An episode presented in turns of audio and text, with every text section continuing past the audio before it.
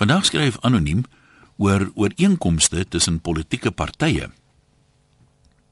En daar vou die nasionale bank toe onder die druk en onttrek sy advertensies waarin kinders die regering kritiseer met spontane opmerkings soos Tiara wat sê stop voting for the same government in hopes for change instead change your hopes to a government that has the same hopes as us. Blykbaar het die ANC en die regering, laat ons tog die onderskeid onthou, 'n hele paar rekeninge by die betrokke bank en al dink die bank sy bankkoste is baie laag, sal dit seker 'n gevoelige knou wees as die rekeninge gesluit word. Dalk was daar dreigemente om oor te gaan na B bank toe. Maar die uiteinde van die saak is dat ten spyte van die aanvanklike versekering dat die advertensies nie onttrek sal word nie, presies dit gebeur het. En sommer saam met 'n apologie. Soos altyd wanneer iemand iets sê of doen wat met jou eie sienings ooreenstem, is almal wat die eerlikheid van die advertensies toegejuig het, nou ietwat beswaard.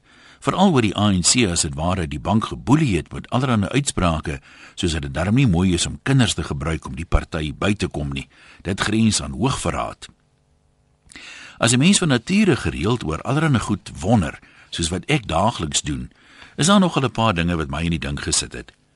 As die advertensies aan spontaan gemaak is, not scripted, soos wat beweer is, uit hoeveel kinders se bydraes kon daar gekies word? Ek meen, wat is die kans dat hulle almal krities was oor die regering? Dit sou tog lynreg bots met die bewering dat almal maar weer ANC stem ten spyte van die party se swak rekord.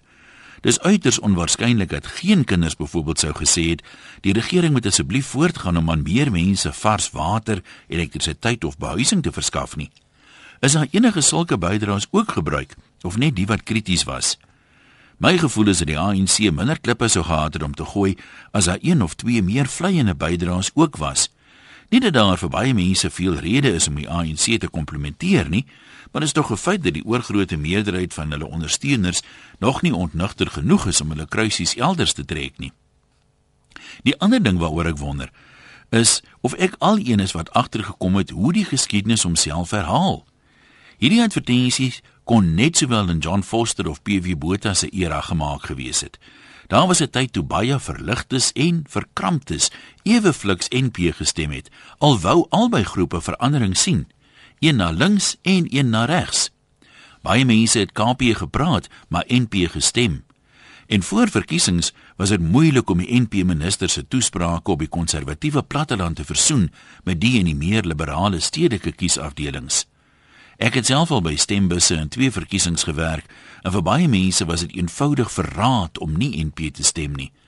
Dit was aan die party wat die Afrikaner bevry het van die juk van die Engelse en hom in regmatige beheer van die land geplaas het. Net soos wat dit nou vir ANC ondersteuners soos verraad voel om hulle rug te draai by party wat hulle op sy beurt weer bevry het van die heerskappy van die Afrikaner. Party ANC lede praat dalk anders in privaat gesprekke as by die stembus, Maar net soos wat dit verlede van die Broederbond ondenkbaar was om vir 'n ander party as die NP te stem, so geld dieselfde vandag vir mense wat voordeel trek uit die ANC bewind. Ek het destyds eerstehands by mense gehoor wat 'n uitnodiging om by die Broederbond aan te sluit van die hand gewys het, hoe hulle daarna aktief geboikot is. Kom ons wonder gou oor nog iets. Sê nou Volkskasbank het en John Foster of PV Botha se tyd presies dieselfde advertensie gemaak wat ek hierbo aangehaal het. Wat dink jy sou die NP se reaksie gewees het? Sou oom John of die groot krokodil dit gelate aanvaar het as Volkskas se demokratiese reg en glad nie eers oorweeg het om die NP en die regering, laat ons tog nie die onderskeid vergeet nie, se rekeninge na 'n ander bank te skuif nie. Hoe lui die gesegde nou weer? Tye verander maar hoe meer dit verander, hoe meer bly dit dieselfde. Eish, groete van oor tot oor, anoniem.